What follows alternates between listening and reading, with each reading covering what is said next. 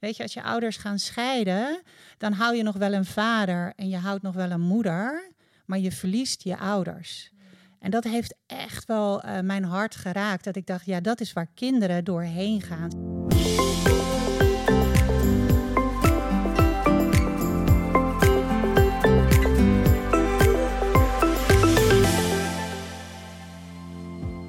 We zijn te gast hier bij uh, Janneke Kemner, uh, te gast in Breukelenveen. We zitten hier aan de tafel en Janneke Kemner is een van onze trainers. En Janneke, stel je even voor. Ja, superleuk dat jullie hier zijn. Van harte welkom. Mijn naam is Janneke Kemner. Ik ben inderdaad al heel lang enthousiast trainer bij How to Talk. En uh, dat is niet voor niets. De methode heeft waanzinnig met me meegereisd in alle fases die ik uh, in ons gezin en later alleenstaand en in ons samengestelde gezin heb doorlopen. Um, is ook mooi mee gaan reizen bij de ontwikkelingsfases van onze kinderen. Dus ik ben daar heel, uh, heel blij mee dat, uh, dat ik al zo lang de methode uitdraag.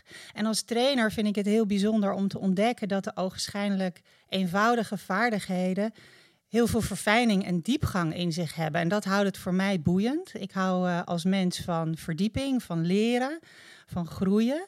En ook als professional. Ik, uh, ik heb naast het trainerschap bij How to Talk heb ik een praktijk, Live Your Inner Voice, waarin ik systemisch kijk naar vraagstukken die mensen hebben. En een van de contexten waarin je je eigen vragen, uitdagingen en problemen tegenkomt, is in de context van het gezin, van de familie en zeer zeker in de context van een samengesteld gezin. Want daar komt zoveel samen.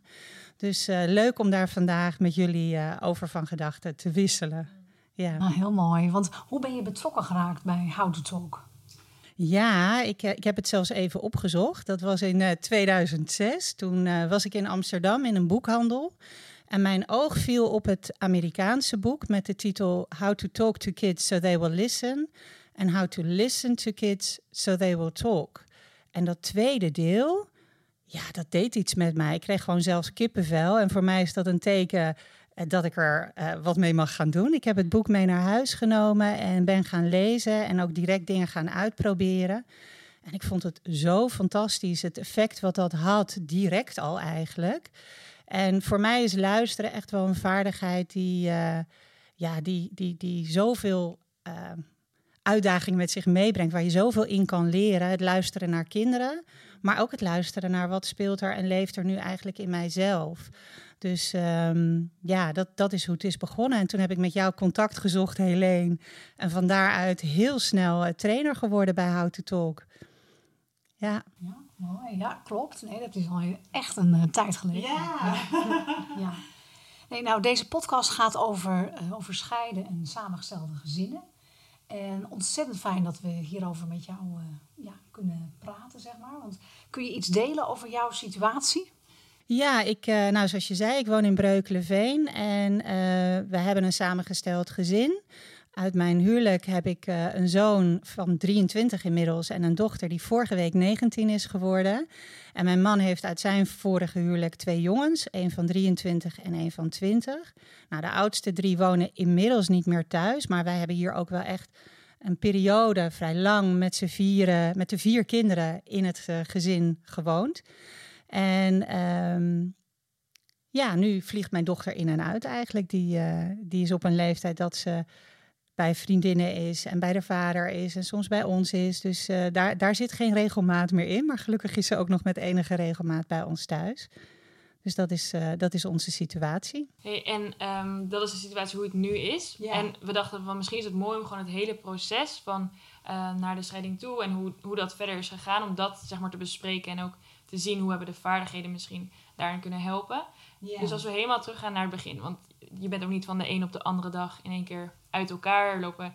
Ja, emoties lopen hoog op. Um, de sfeer is niet helemaal fijn. Hoe, hoe, ja, hoe ging je hier toen mee om, zeg maar, in de, de aanloop richting de scheiding? Ja, dat, dat is denk ik voor iedereen best wel een uitdagende situatie. Waarin je vooral ook heel erg bezig bent met: jeetje, wat gebeurt er? Uh, wat wil ik, wat wil ik niet? Um, en het kan heel verleidelijk zijn om uh, de uitdagingen die je daarin in de relatiedynamiek tegenkomt neer te leggen bij je kinderen. Hè? Als je net een ruzie hebt gehad, om dan uh, naar je kind te gaan en te zeggen, nou je vader dit of je moeder dat. Uh, of je zorgen en je angsten te delen met de kinderen. Maar dat is natuurlijk heel heftig als kinderen daarmee belast worden. Dus in die fase ja, is dat iets tussen jou als ouders? Uh, en, en heb je dat met elkaar aan te kijken en aan te gaan? Zeker als er ja, nog de intentie is om er samen uit te komen. En kan je je licht opsteken bij vriendinnen of bij familieleden. En eventueel met uh, ondersteuning van, uh, van een externe coach. Um, en als de kinderen signalen oppikken van spanning of ruzie hebben meegemaakt, dan is het natuurlijk wel heel helpend als je er bent voor de kinderen, voor wat zij nodig hebben. Als ze ruzie hebben meegemaakt, kunnen ze daar bezorgd over zijn of uh, dat spannend hebben gevonden. En daarin hielp How to Talk eigenlijk al heel erg voor mij door te kunnen benoemen wat het kind liet horen of liet zien. Hè, dat je bijvoorbeeld zegt van uh, je bent geschrokken van uh, de stilte aan tafel of je hebt de ruzie gehoord. Je maakt je een beetje zorgen of heel veel zorgen. Uh, ouders hebben wel eens ruzie en dit is van papa en mama, daar hoef jij je nu geen zorgen over te maken. Wij gaan het gesprek aan met elkaar. Dus hou het in die fase echt zoveel mogelijk weg bij de kinderen. Want ze worden er wel door, hè, door geraakt, maar ze hebben nul invloed. En de invloed ligt echt bij jou als ouders. En, en dan het moment zeg maar, dat je ervoor kiest, oké, okay, we gaan toch apart verder. Yeah. Hoe breng je zoiets? Hoe heb jij dat gedaan? Ja, Hoe breng je zoiets? Dat is nog steeds een vraag. Ik hoor het wel eens van ouders die, die in die aanloop zitten van ja, we willen gaan scheiden. Hoe vertellen we het de kinderen? Ja, en um, ik vind dat nog steeds in alle eerlijkheid een hele ingewikkelde vraag. Je kan je erop voorbereiden, dat hebben wij ook gedaan. Op het moment dat wij wisten van nou oké, hier stopt ons huwelijk. Dat was ook het moment dat we wisten we willen het snel aan de kinderen vertellen. En s'avonds uh, viel dat besluit tussen ons als ouders. Nou, we wilden de kinderen daar niet mee naar bed laten gaan. Dus we hadden besloten, morgen gaan we het aan ze vertellen. En daar heel duidelijk en eerlijk in zijn vonden we belangrijk. Ja, en we hebben gekeken, gaan we dat met elkaar doen? En, en welk moment kiezen we daarvoor? En wat gaan we ze vertellen? Hoe gaan we het ze vertellen? Maar je kan je nog zo goed voorbereiden op zo'n moment. Je hebt in alle eerlijkheid geen idee. Je weet het gewoon echt niet. Ik vergelijk het wel eens met je bereidt je voor op een eerste bevalling.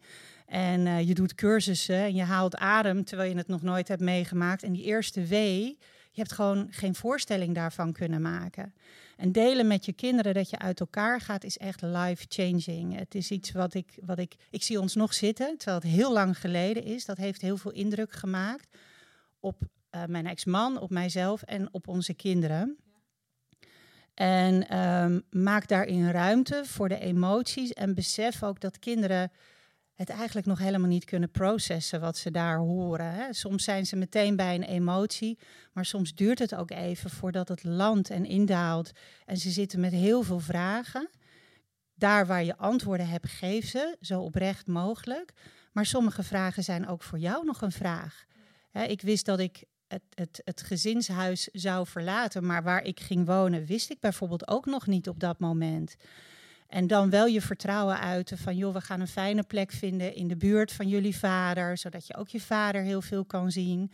Ze geruststellen, hè, dat je ouders blijft en dat je samen heel veel van ze houdt en voor ze blijft zorgen. Ja, dat zijn de dingen waar wij toen keuzes in hebben gemaakt en die voor een deel bewust, maar voor een deel ook spontaan zijn ontstaan in het moment. En uh, ja, het, het blijft, je wil je kinderen dat besparen, dat bericht. Um, zij hebben geen keus, geen invloed en worden wel enorm um, ja, overdonderd door zo'n impactvolle verandering. Ja, want hoe oud waren ze ongeveer, weet je dat nog? Ze hadden allebei de basisschoolleeftijd. Mijn zoon die ging naar groep 8 en mijn dochter is vier jaar jonger dan dat hij is. Dus uh, ja, ze waren wel bewust. Hè. Ze konden dingen goed begrijpen, maar ook nog wel heel jong. Ja. En, en, heb je een advies voor ouders? Is dat anders maar als ze jonger zijn? Is dat dan... Ja, nou, eh, eh, enerzijds speelt de leeftijd van kinderen een rol. Hè. Sommige ouders die, die gaan uit elkaar als de kinderen al heel veel ouder zijn. Ja, dan, dan gaan ze ook ander soort vragen stellen. En de hele kleintjes die hebben eigenlijk nog helemaal geen idee überhaupt wat scheiden inhoudt. Dus dan is het meer as you go along wordt voor hun ook duidelijk wat er gaande is. En daarin vind ik een van de vaardigheden van How to Talk ook heel bruikbaar. Ik noem het altijd een soort van ondertitelen. Dus dat je benoemt wat er gaande is en dat je daar taal aan geeft, de kracht van benoemen inzet. Dat is bij jonge kinderen heel belangrijk. Dus dat je ze meeneemt in dat proces. Maar naast leeftijd speelt karakter van het kind ook een hele grote rol. Het ene kind is wat introverter en stelt minder snel vragen. En het andere kind is heel extravert. Ja, en, en, en, en wil meteen het, het, het naadje van de kous, zeg je dat zo? wil die weten. En uh, ja, stem je vooral af op de behoeften van je kind. Ja, en, en kun je nog een voorbeeld geven van het ondertitelen bij, bij een heel jong kind? Ja, um, nou, als, als een kind bijvoorbeeld uh, zegt: Ja, maar ik wil weten waar we gaan wonen, ik, ik vind het spannend dat je dat herhaalt en aangeeft, gewoon, je zou het fijn vinden om, om al duidelijkheid te hebben of om te weten welk huis we gaan, uh, gaan bewonen met elkaar. Um, zullen we samen kijken hè, welke huizen er op dit moment zijn. Hè, dat je een beetje een idee krijgt. Of ik weet al wel dat we niet verder dan 10 kilometer bij je vader vandaan gaan wonen. En we gaan daar een fijn plekje vinden. Um, dus benoem wat je, wat je kind uh, uitspreekt. Je vindt het spannend dat je nog niet weet waar jij gaat wonen met mama. Je zou graag willen weten uh, hoe het huis eruit ziet. En het was niet zo dat je, um, omdat je eigen emoties ook zo hoog zitten, dat je dacht, nou die vaardigheden, ik laat ze helemaal aan de kant en uh, ik doe er niks meer mee. Maar juist dat ze wel echt heel veel hulp hebben geboden in deze situatie. Ja, ze, ze hebben me echt wel uh, um, richting gegeven. En nou, mijn systemische kennis heeft mij ook heel erg geholpen in uh, dat ik verantwoordelijkheid heb te nemen voor wat er in mij gaande is. En dat hoef ik zeker niet alleen te doen. Maar daar zijn mijn kinderen niet verantwoordelijk voor. En door daar heel goed voor mezelf in te zorgen, um, ja, echt mijn hulpbronnen ook in te schakelen, kon ik er volledig zijn voor de kinderen op momenten dat zij mij nodig hadden. Ja, en soms is een emotie van een kind is pittig om te horen, want je, je zit natuurlijk ook nog in je eigen proces. En um, ja, dat, dat triggert soms wel iets in jezelf als ouder. Um, maar dan is dat een signaal van hé, hey, ik, ik heb hier iets mee te doen of ik mag hier, hier naar gaan kijken, zodat ik er weer beter kan zijn voor mijn kinderen. Want je zegt een emotie van een kind kan best confronterend zijn voor jezelf ook. Je hoort vaak ook dat um, kinderen uit dat zij zich schuldig voelen. Um, was het bijvoorbeeld bij jouw kinderen ook het geval? Of hoe zou je ja, er aanraden aan andere ouders die dat wel ervaren om daarmee om te gaan? Bedoel je schuldig voelde over het gegeven of het feit dat de ouders uit elkaar zijn gegaan? Ja, ja ik, ik, ik hoor dat inderdaad, dat sommige kinderen het idee hebben dat zij iets verkeerd hebben gedaan. Um, in onze situatie uh, was dat anders. Ik heb dat niet gehoord bij uh, geen van de kinderen. Maar dat had denk ik te maken dat ik zelf heel erg door een proces van het verwerken van mijn schuldstuk in de scheiding uh, had te gaan. En door daar mijn verantwoordelijkheid voor te nemen en, en ook in te gaan staan en aan te geven, ja, weet je, dit is een keuze uh, van mij, werden zij, denk ik, indirect ontslaan vanuit dat schuldgevoel. Um, ik denk dat het belangrijk en helpend is om duidelijk te maken aan kinderen dat dit een beslissing is van, van ouders en dat zij daar geen verantwoordelijkheid in hebben. En wat je vooral ziet is dat kinderen uh, heel lang de hoop houden dat papa en mama toch weer bij elkaar komen. Hoe duidelijk en transparant je daarover communiceert, dat is gewoon een, een diep verlangen. Zij willen de ouders bij elkaar. En uh, dat erkennen aan de ene kant, hè, met de vaardigheden van How to Talk, onder andere. Van, hè, je zou het liefst willen dat papa en mama weer bij elkaar zouden komen. En je mist je ouders bij elkaar. Aan de ene kant en aan de andere kant daar wel duidelijk over zijn, is helpend voor kinderen. En um, mijn stiefzoon heeft dat, tenminste, ik gebruik nu even het woord stiefzoon. Ik blijf dat nog een zoektocht vinden van hoe noem je dat? maar die heeft ooit heel mooi vanuit het kindperspectief benoemd hoe hij dat heeft ervaren. Hij zei: Weet je, als je ouders gaan scheiden, dan hou je nog wel een vader en je houdt nog wel een moeder, maar je verliest je ouders. En dat heeft echt wel uh, mijn hart geraakt. Dat ik dacht, ja, dat is waar kinderen doorheen gaan. Ze hebben niet meer ouders naast elkaar op de bank. En ze houden een vader en een moeder. Maar dat rouwproces van die mensen waar ik zoveel van hou en waar ik uit voortkom, die zitten niet meer bij elkaar. Ja, dat is, dat is uh, ontregelend en dat is heftig. En belangrijk om dat te erkennen en, en, en daar bewust van te zijn. Dat dat iets is wat ze hun leven met zich meedragen. En, en dat hoeft verder ehm, niet schadelijk te zijn als het maar ingesloten wordt en een plek ook heeft. En er mag zijn uh, en de gesprekken haalt en de tranen erom gehuild mogen worden. Ja, want als je dan zegt, hè, je erkent het, je verwoordt verlangen en je geeft ook aan dat het niet meer zo is. Hoe mhm. doe je dat in hetzelfde gesprek? Of zeg je dat, dat nam nou, ik de tijd voor? Of... Ja, dat is wel een mooie vraag. Je hebt heel gauw de neiging om, om, om duidelijk te willen zijn. Um, hoe langer ik werk met How to Talk, hoe bewuster ik me word dat alleen erkennen soms voldoende is. Ik hoef het niet te fixen, ik kan het niet fixen. Aanwezig zijn bij de emoties van het kind is soms het allergrootste cadeau wat je kunt geven. Dus alleen stilstaan bij, joh, je hebt daar last van en, en je mist dat en je vindt dat moeilijk. Je zou het liefste willen dat, is soms al zoveel en zo waardevol. Het kind voelt zich dan zo gezien en gehoord dat er ook vertrouwen op staat. En dus dat hoeft zeker niet allemaal achter elkaar in één zin, liever niet zelfs. En dan als de emotie eruit is en de rust is gekeerd, kan je op een ander moment zeggen van joh, uh, zoals je weet, hebben wij ervoor gekozen om papa en mama te blijven en niet meer als man en vrouw in één huis te wonen. vaak weten ze dat diep van binnen ergens ook wel. En wat je zegt, hè, we gaan apart naar een ander huis. Daar komen ook uh, verschillen bij kijken. In bij papa mag dit of bij mama mag dit. Hoe ga je mhm. daarmee om als, uh, als je kind zegt... nou, ik mag altijd tot, tot later op blijven hier. Of ik mag dit eten daar. Of hoe, hoe zou je daar dan mee omgaan? Ja, nou, wij hebben elkaar, uh, en, en dat is aan, aan alle kanten. Dat is dus zowel aan de kant van mijn ex-man als mijzelf, als aan de kant van mijn partner en zijn ex-vrouw. Altijd heel veel vertrouwen gegeven. Simpelweg omdat we ook echt het vertrouwen hadden in het ouderschap van de ander. Um, en hoe langer je uit elkaar bent, hoe groter verschillen worden. Want uh, nou, je krijgt andere, hè, je krijgt partners, die nemen ook weer hun eigen waarden en normen mee. En uh, je moet, je moet dat eigenlijk niet hetzelfde willen houden. Dat is onmogelijk. Je, je leidt gewoon andere levens. Je hebt een andere dynamiek in het huis en er gebeuren verschillende dingen. Je hebt ook echt een andere samenstelling.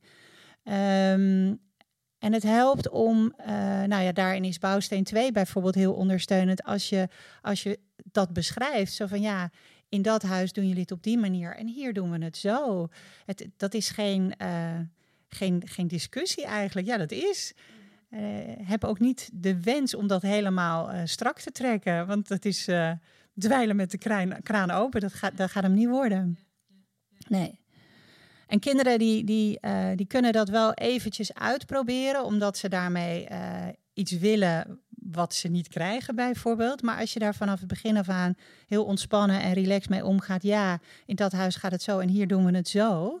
En, en, en je laat daar ook geen ruimte voor discussie, dan wordt het ook heel snel voor kinderen helder.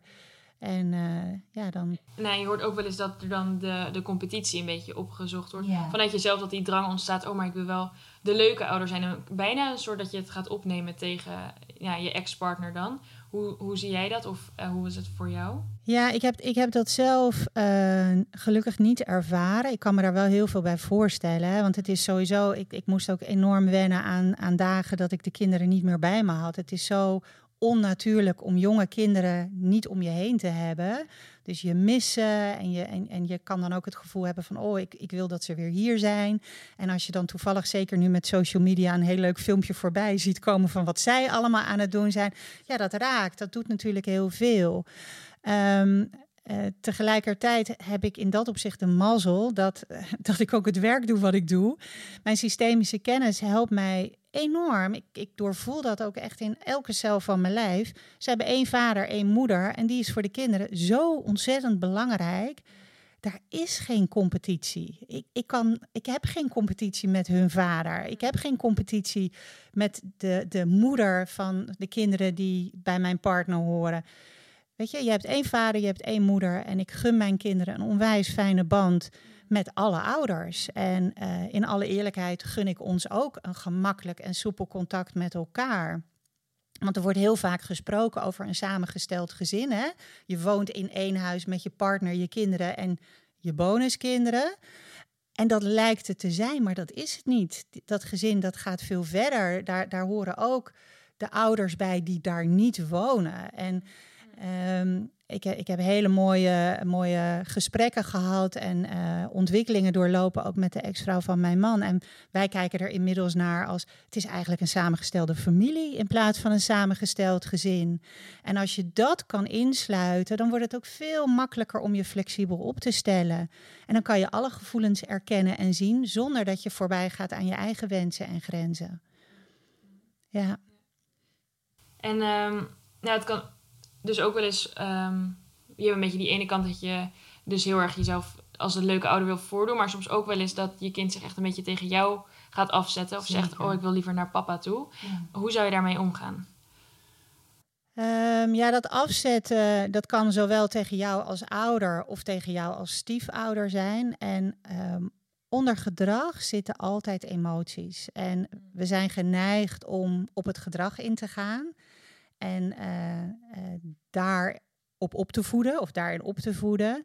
Terwijl voor mij is gedrag afzetten is een signaal om verder te kijken. Van hé, hey, wat wil hier gehoord, gezien en gevoeld worden? Waar hebben we ruimte voor te maken? En soms is dat gewoon even hè, een, een, driftbui of ongemak van het kind. En is het even jou raken. Want uiteraard weten ze dat ze jou raken als ze zeggen: Ik wil lekker naar, je naar papa of ik wil lekker naar mama. Um, uh, maar soms zit daar ook iets, iets diepers nog onder. En um, kinderen van, van gescheiden ouders, die gaan heen en weer van huis 1 naar huis 2. En die schikken en voegen zich naar het ritme wat je met elkaar hebt bepaald. En soms eist dat ook zijn tol. En het kan ook zo zijn dat het kind behoefte heeft aan rust of even één plek in plaats van heen en weer gaan. Dus in plaats van je meteen aangevallen te voelen, uh, zou mijn advies zijn: kijk wat hier gaande is bij je kind. Maak daar ruimte voor en vind de bereidheid in jezelf om dat echt te horen. En dan kom je vanzelf wel bij hoe gaan we hier mee om. En, en, wij hebben altijd de flexibiliteit centraal gehouden. Juist vanwege, hè, je hebt maar één vader en je hebt maar één moeder. En als ze even een tijdje bij hun vader willen zijn of een tijdje bij mij willen zijn, dan hebben we daar ruimte voor gemaakt. Je spreekt ook een, een, een co-ouderschap ritme af, alleen het woord al. en dat doe je op het moment dat je uit elkaar gaat. Maar kinderen worden ouder, hun levens veranderen en in een bepaalde fase kunnen ze misschien behoefte hebben aan een ander ritme, omdat dat meer rust geeft of meer duidelijkheid geeft. Luister naar de kinderen ook en kijk wat daarin mogelijk is en stel je daar zo flexibel mogelijk in op en gun elkaar ook daarin het plezier van en met de kinderen. En dat als, als de, de moeder van mijn ex-man jarig is, dan komt het niet maar op om te zeggen: ja, maar dit is mijn dag. Nee, tuurlijk niet. Ga lekker met de kinderen naar je moeder en, en beleef het met elkaar. Dat is voor de kinderen fijn, dat is voor hem fijn, dat is voor oma fijn. Uh, die ken ik ook als geen ander en daar gaan we ook jaren in mee terug. Dat is niet ineens klaar. Dus dat is ook wat ik bedoel met samengestelde familie. Kijk of je daar flexibel en open in op kan stellen. En neem de emoties van de kinderen daarin heel serieus. Waar hebben zij behoefte aan? Wat is bij hun nodig? En, uh, en kijk wat daarin oké is voor jou en wat niet. Ja, andere vraag van een luister, van een volger was dat de andere kant kan natuurlijk ook opspelen. Dat, uh, je hebt het ook al een beetje aangespeeld. Maar dat een kind bang is om je te kwetsen als ze zeggen... Uh, ik wil graag ook naar papa. Dus ja. dat ze dat eigenlijk niet benoemen, snap je? Ja, dus dat ze echt zeggen van... Hey, ja hoor, nee hoor, ik wil niet naar papa. Ik ben, vind het hartstikke fijn hier. Ja, um, kinderen zijn heel gevoelig en ontzettend loyaal. Hè? Je bent het meest loyaal naar je eigen vader en moeder, ongeacht je leeftijd. En uiteraard wil je die niet kwetsen. En als kinderen daarin uh, ja, dingen voor zich gaan houden, dan zijn ze eigenlijk voor jou aan het zorgen. En dat is altijd een signaal om te gaan kijken van hé, hey, wat, wat gebeurt hier? Um, en het kan heel helpend zijn als je de kinderen herinnert aan dat het logisch is dat ze naar hun vader willen en dat je dat ook helemaal oké vindt. En dat ze daarin geen rekening hoeven te houden met of jij dat wel of niet fijn vindt om te horen. Dat jij vooral fijn vindt dat ze uh, contact hebben en een goede band hebben met de andere ouders. En dat je er altijd daarin voor hun ook bent om ze daarbij te ondersteunen. En dan ga ik even uit van de, van de gezonde scheidingsdynamieken. Ik, ik weet dat er ook uitzonderingen zijn waarin het echt heel complex is, omdat er gezondheidsproblemen zijn bij uh, een ex-partner, waardoor er heel veel zorgen zijn om je kind daar uh, te laten zijn of nou ja, allerlei andere omstandigheden. Ik heb het hier even echt over de, de, de gemiddelde scheiding. Um, en soms zitten mensen in een vechtscheiding dan heb je natuurlijk eerst je eigen zeer en je eigen leed aan te kijken voordat het genormaliseerd is. Ja, dan, dan zijn dit soort dynamieken wat ingewikkelder om op te reageren. Dus in de gewone situatie, als je nog op een normale manier met elkaar door één deur kan gaan, is het fijn om de kinderen te vertellen dat je het heel logisch vindt dat ze op vakantie willen met hun vader, of dat ze naar hun vader toe willen, dat ze daar willen zijn, of dat ze daar een nachtje extra willen logeren. En dat je dat ze ook, uh, dat, dat je dat ze ook gunt, dat je ze zeker mist, maar dat je er heel erg naar uitkijkt om ze weer, uh, weer te ontvangen als ze weer bij jou komen. Ik heb ook wel eens tegen mijn dochter gezegd: Ja, weet je, ik vind het wel heel mooi dat ik je mis, want het vertelt mij hoeveel ik van je hou. En dat is ook een soort van, van, van een andere manier van verwoorden. Uh, um, ja, dat, dat je heel veel liefde voelt voor je kind. En daarmee maak je het lichter en fijner dan wanneer je zegt: Oh, ik ga je zo missen. Ik vind het zo erg dat je naar je vader gaat. Dan ontstaan er schuldgevoelens bij kinderen. Ja, daar wil je uitblijven. En kun je ook benoemen van: joh, je bent bang dat je mama kwetst. Uh, ja, als je dat echt waarneemt, dan kan je zeggen: joh, als ik zo naar je luister, heb ik het idee dat je het spannend vindt om dit aan mij te vertellen. Misschien ben je wel bang dat je mijn gevoelens kwetst. Um, en dan wacht je even om te kijken hoe het kind reageert. En als het kind zegt: ja, ja, ja, ik ben bang dat je het niet leuk vindt. Dan kan je zeggen: Oh, lieve schat, dat is heel lief van je, maar daar hoef je helemaal niet over in te zitten. Weet je, ik red me prima als jij bij je vader bent. En ik wil vooral dat jij een fijne tijd hebt met je vader of je moeder. Hè, afhankelijk van uh, wie je als ouder bent. Ja, zeker, zeker. Ja, dan denk ik ook dat het heel, heel behulpzaam is voor kinderen om dat echt ook te benoemen naar ze. Wat ja. zij voelen van binnen. Ja. Ik denk dat dat, uh, ja.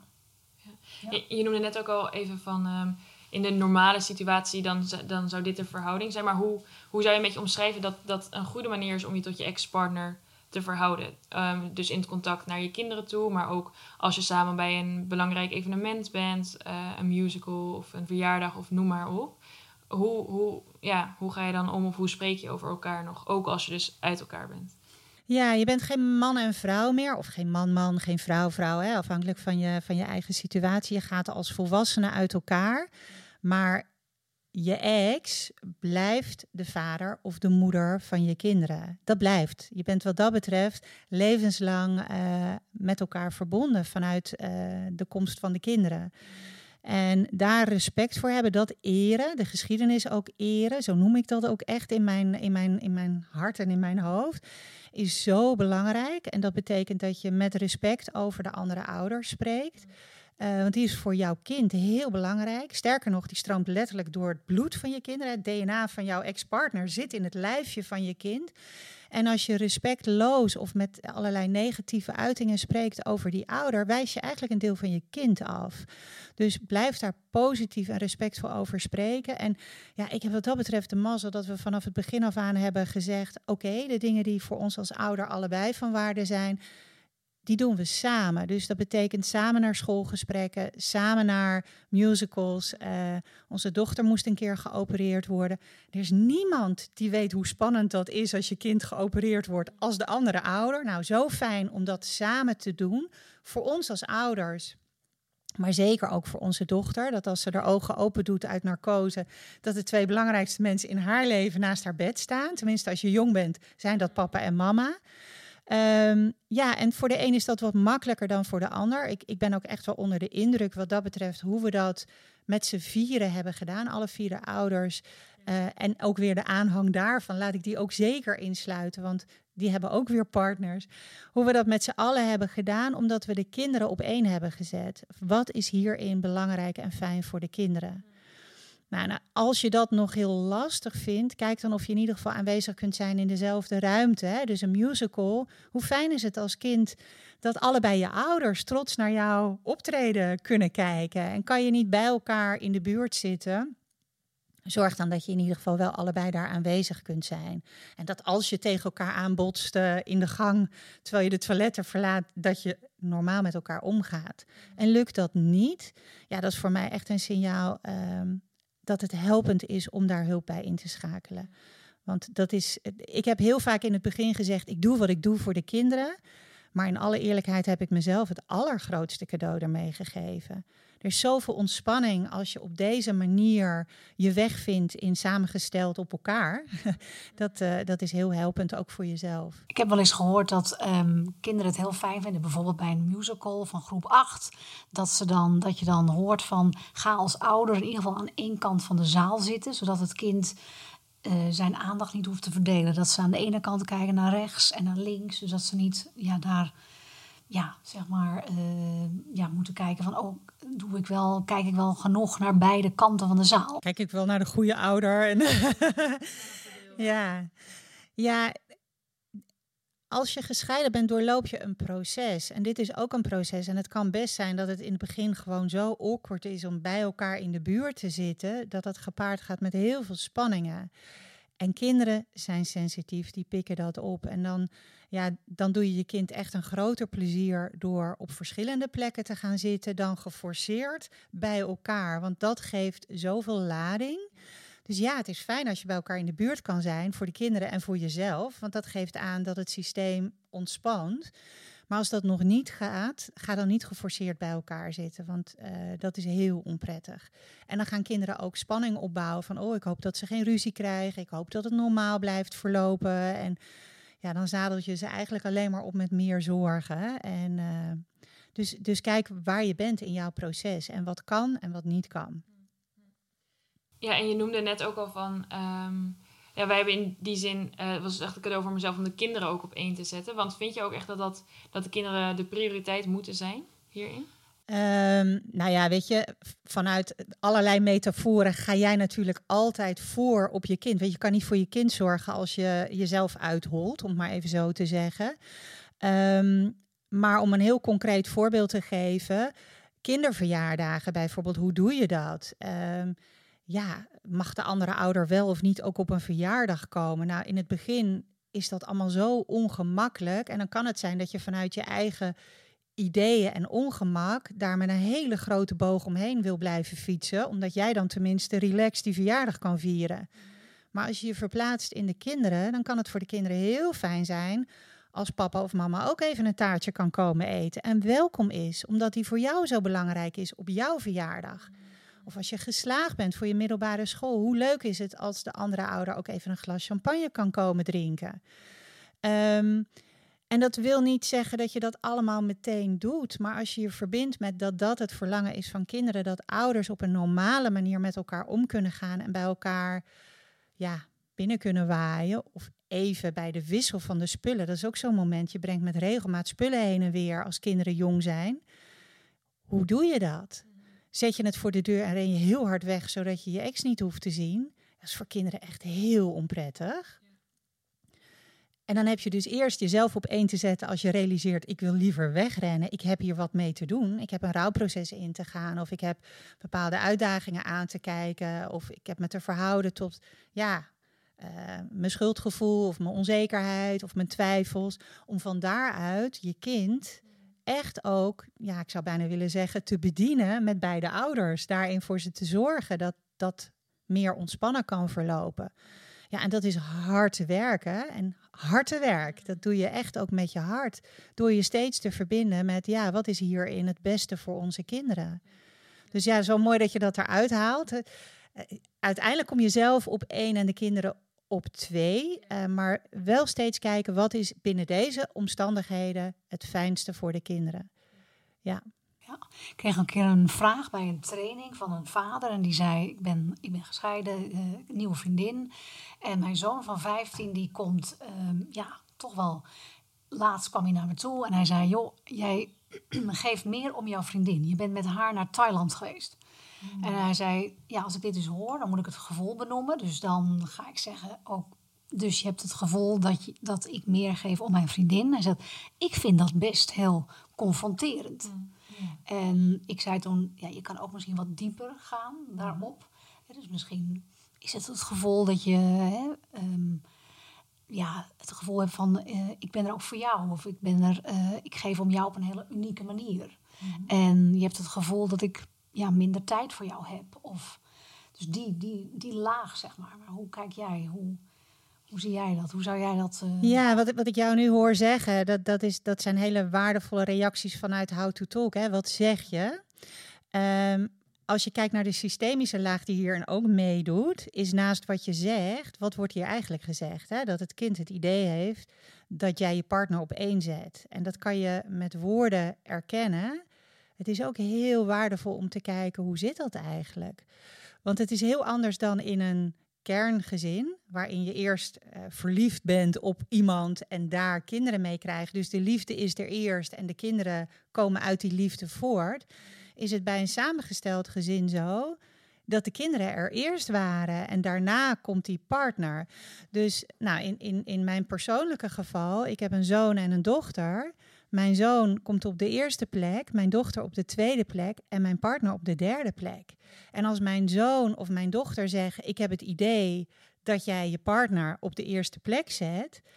Ja, dan is het voor mij wel even een spiegel om te gaan voelen en kijken: wat gebeurt hier? uh, staan we allemaal wel nog op de goede plek in ons gezin.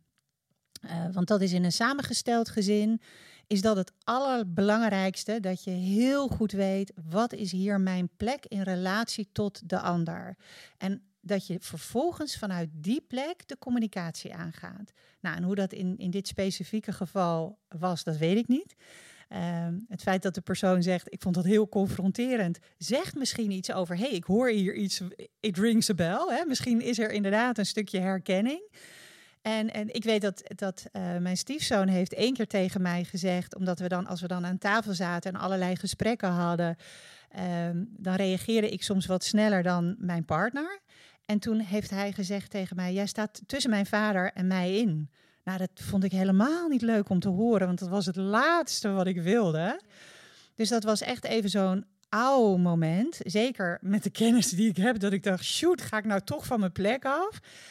En ik heb het geïncasseerd, ik heb het gevoeld. Ik, ik, ik ben te raden gegaan bij mezelf van, hé, hey, wat maakt dat hij dit zo beleeft? En later ben ik naar hem toegegaan. Hij was op zijn slaapkamer. En toen ben ik begonnen met: Ik wil je bedanken dat je dit tegen me zei. Um, dat is het laatste wat ik wil. En um, ik denk dat ik het wel snap. Hè? Ik geef sneller antwoord dan je vader. En je richt de vraag tot je vader en ik geef antwoord. Dus dank je wel. En ik, ik ga echt nu heel bewust een stap opzij doen. Eh, want ik wil helemaal niet tussen jou en je vader in staan. Sterker nog, dat kan ik niet. Dat is helemaal niet mijn plek. En dat benoemen, dat was al genoeg. Maar dat vraagt wel ook de bereidheid om te incasseren. Want ik vond het echt niet leuk dat hij dat tegen mij zei. Ja, wel dat hij het zei, maar niet leuk om die spiegel voorgehouden te krijgen. En um, ja, net als in een gewoon gezin, in een kerngezin, doorloop je allerlei fases met elkaar. En soms gaat het makkelijk, soms is het moeilijk. Durf je daar naar te kijken? Durf je dat echt aan te kijken? En dan te benoemen van ja, jeetje, je hebt gelijk. Ja, heel mooi. Want ik vind het ook een hele verhelderende. En ik zei ook tegen die vader destijds... Um, je moet zo blij zijn dat hij dit tegen je zegt. Ja, dat is een cadeau. Zo'n cadeau. Ja. Hij, hij, was er ook heel bewust mee bezig. Hij zei, ik heb dat toen... Hij zei, de eerste keer dat hij zo'n dat zei, heeft hij het meteen ontkend. Nee, helemaal niet. Maar hij heeft wel heel mooi iets, iets waardevols uh, gezegd tegen zijn vader. En prachtig hoe jij dat met die... Ja, dat systematische, hoe, hoe, dat, hoe dat zit, zeg maar. Hoe je dan ook die plek neemt uh, vanuit de plek dat je daaruit gaat communiceren. Dat het dan veel natuurlijker gaat en veel dat je echt bij de kern komt. Ja, en, en dan wordt het ook aangenomen. Want als ik uit vanuit de verkeerde plek dingen zeg, hè, soms zeker als moeder kan je daar al. Ik, ik hoor, volgens mij heeft onderzoek dat ook wel uh, aangewezen dat, dat vooral stiefmoeders een uitdaging hebben. Het zorgen zit zo in ons. Um, het is een dunne lijn tussen er zijn voor kinderen die waarmee je geen bloedband hebt. En bemoederen.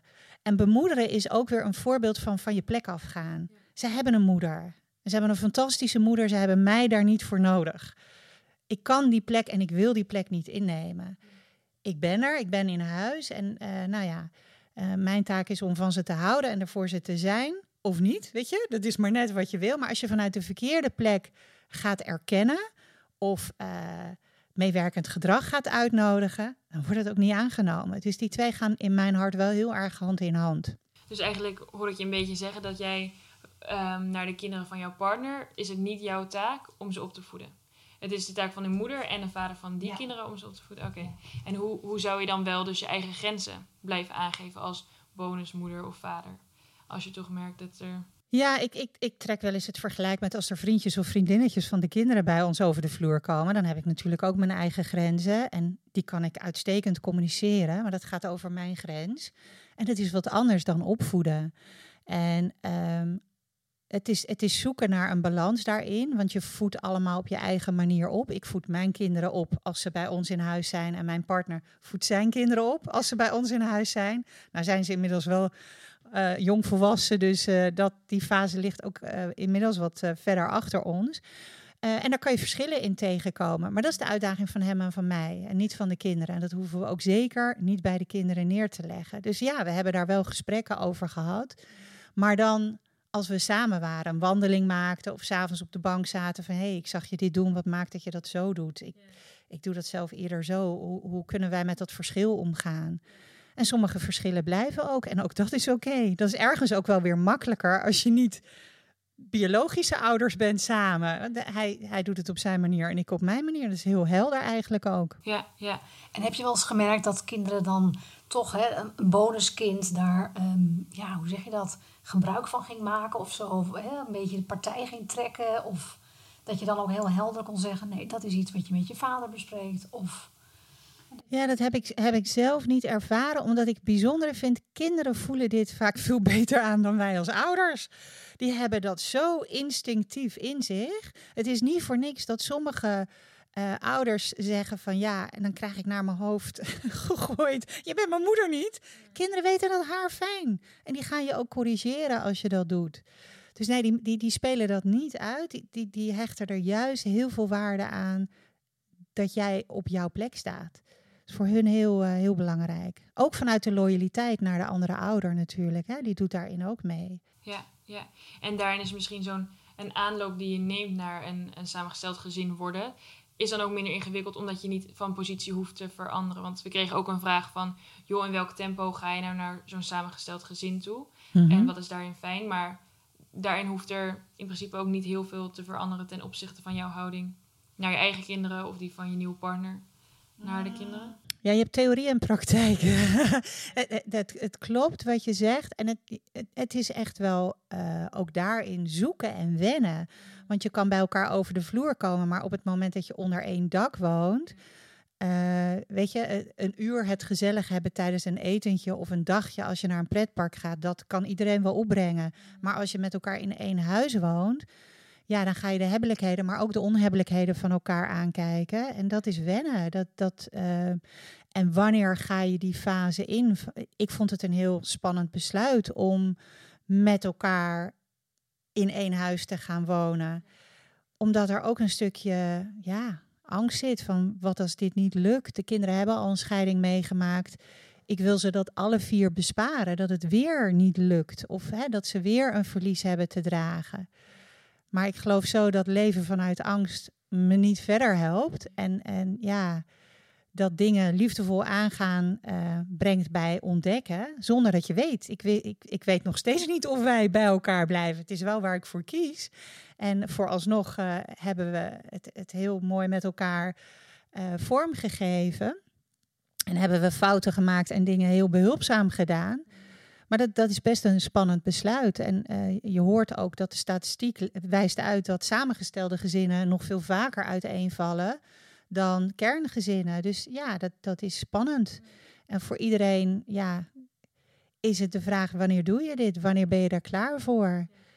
Ja, uh, dat voel je, dat weet je. En daar blijft ook dat stukje van: oh, ik hoop dat het gaat lukken, dat het ons gaat lukken. Ja. En zou je daar de kinderen in betrekken? In die zin van um, zijn, aan de kinderen vragen of zij er al klaar voor zijn?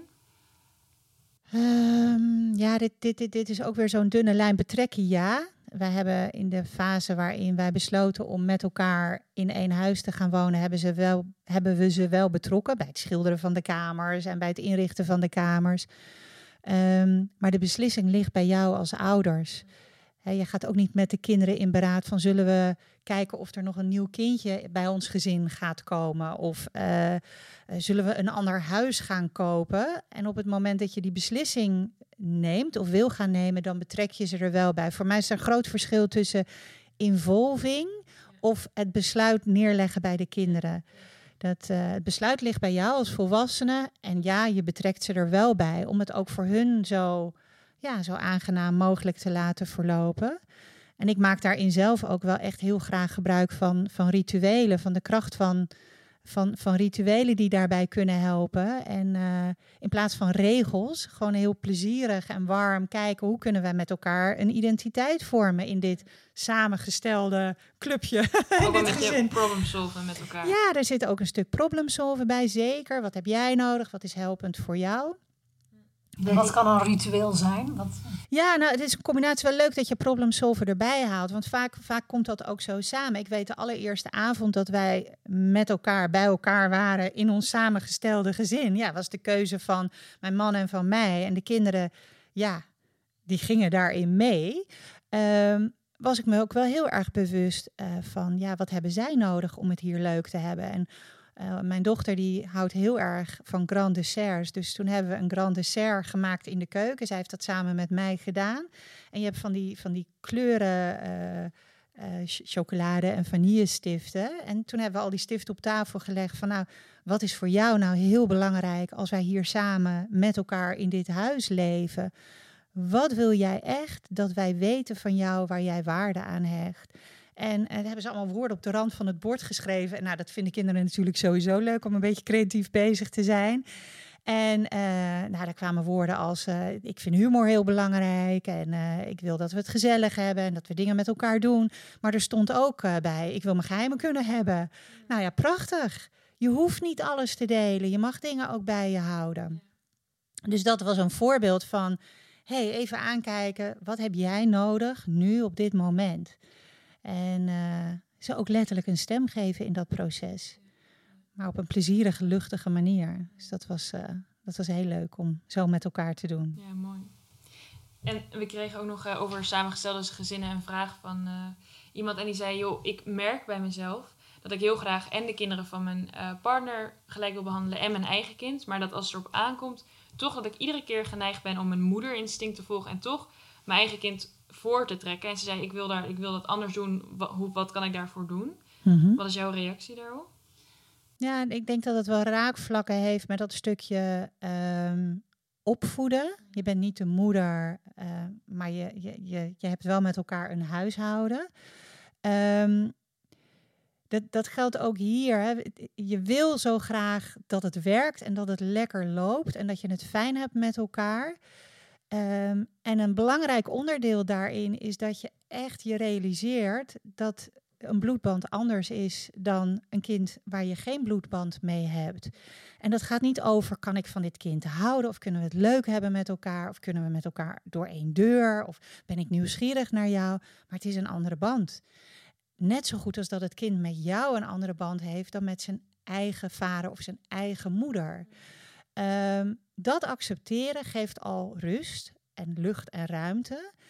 En dan is het natuurlijk wel zo dat je uh, praktisch gezien uh, in gewoon de dagelijkse gang van zaken ze wel gelijk kan behandelen. Hè? Je, gaat niet je eigen kind allerlei lekkere dingen geven en het kind wat niet biologisch van jou is, uh, een droge cracker. Dus in, in, in, in wat je doet en hoe je er voor ze bent en de aandacht die je, die je beschikbaar stelt, ja, hebben ze je nodig, dan ben je er voor ze. Maar accepteer dat het anders voelt. Dat is ook een soort van erkennen van je eigen gevoel. Ja, het voelt anders.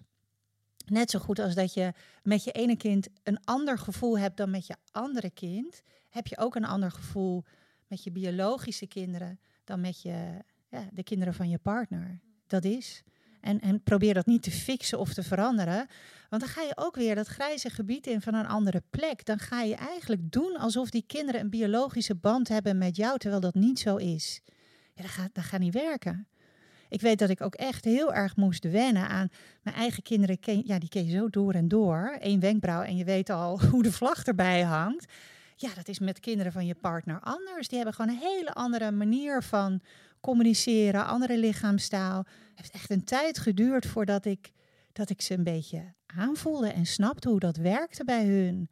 Uh, geef het tijd, geef het ruimte en accepteer dat dat er ook bij hoort. Ja. Ja, mooi. Ja. En het is alweer een tijdje uh, voor jullie alweer een uh, eventjes ja, geleden. Ja. Je zit al heel lang in het proces. Hoe, hoe gaat het nu met jullie? Ja, nou wat ik al zei, hè, drie zijn er uitgevlogen en één zwabbert heen en weer. Uh, ja, we wonen dus heel dicht bij elkaar. De kinderen zijn heel vrij om te gaan en staan uh, waar zij willen.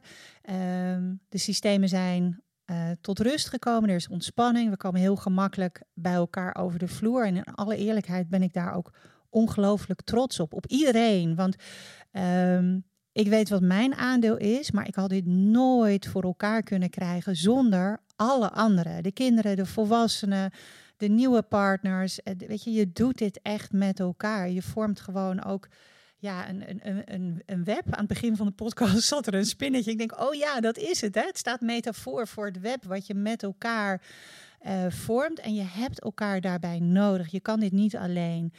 En dat wil niet zeggen dat het met iedereen allemaal even gemakkelijk hoeft te gaan, maar het, realiseer je dat je elkaar nodig hebt en stel je daar ook voor open. Hoor ook wat er bij de anderen leeft en wat die nodig hebben. Dus ik ben daar wel heel erg trots op. Ja.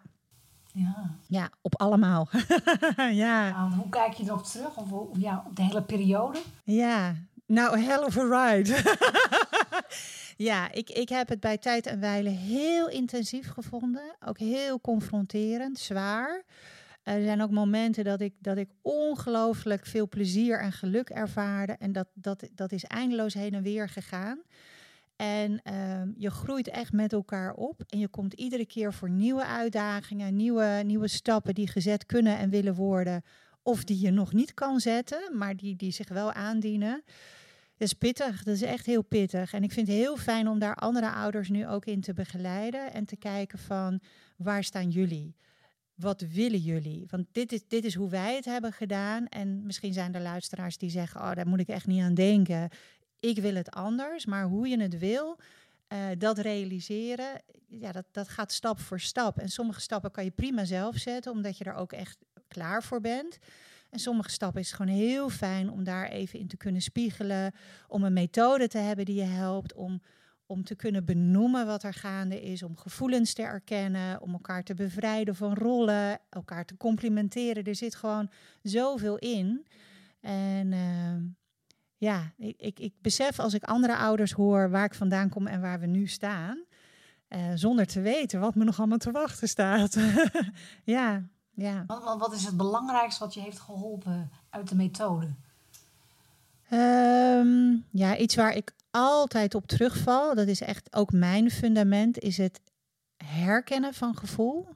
Bij de kinderen, bij mijn partner, bij de exen, nou, zeg maar bij iedereen en bij mezelf. Dus het herkennen van hé, hey, dit, dit is wat ik zie, dit is wat ik hoor. Het erkennen, dus er ruimte voor maken. En daarom is die titel ik snap nu veel beter waarom die me, me raakte. Uh, how to listen so they will talk. Dat vraagt luisteren. Dat vraagt echt meesterschap in. Kan ik er een ruimte voor maken in mezelf en om me heen om te horen wat hier, wat hier gaande is. En daar heeft Bouwsteen Eme heel veel vaardigheden in gegeven. En ik vind de sleutel van de beschrijvende taal. Ik geloof heel erg in de kracht van benoemen. Uh, de sleutel van de beschrijvende taal is daar ook gewoon uh, heel waardevol in. Dat je um, ja, beschrijft wat je ziet, wat je hoort, wat er gaande is. Uh, en, en streef naar het oordeel eruit halen. Um, ja, dat is, dat is ook echt wel iets waar ik heel veel profijt van heb gehad. En veel vaardiger in ben geworden. Enerzijds door zelf de methode te volgen, maar in alle eerlijkheid ook door het aan al die ouders en professionals te mogen trainen. Want dat helpt mij natuurlijk ook weer in mijn eigen proces en mijn vaardigheden. Ja. ja.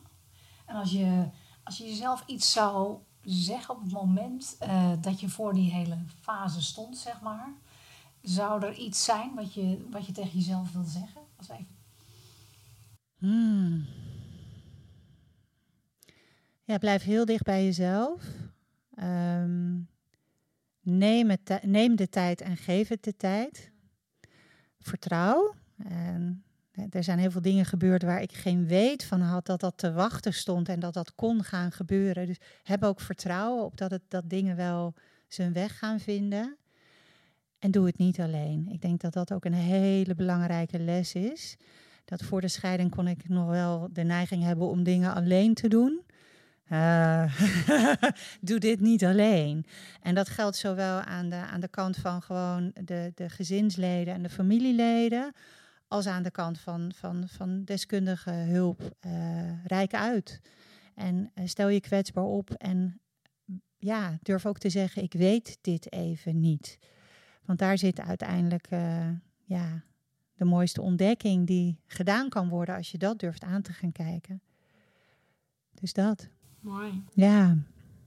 Nou, dankjewel voor het gesprek. Ja, graag gedaan. Heel graag gedaan. Veel geleerd ook weer. Ja. En, ja, Nou, fijn. ik hoop dat het eh, veel ouders eh, kan helpen. En dat Ja. denk ik zeker. Ja, Nou, dank jullie wel. ja dankjewel. Ja. Bedankt voor het luisteren naar de podcast van How to Talk to Kids. We hopen dat het je geïnspireerd heeft. Voor meer How to Talk, volg ons op social media, at How. Of kijk op onze website www.howtotalktokids.nl. Hier vind je onze boeken en trainingen die je kunnen helpen om onze methode eigen te maken. Don't waste more time. Start now.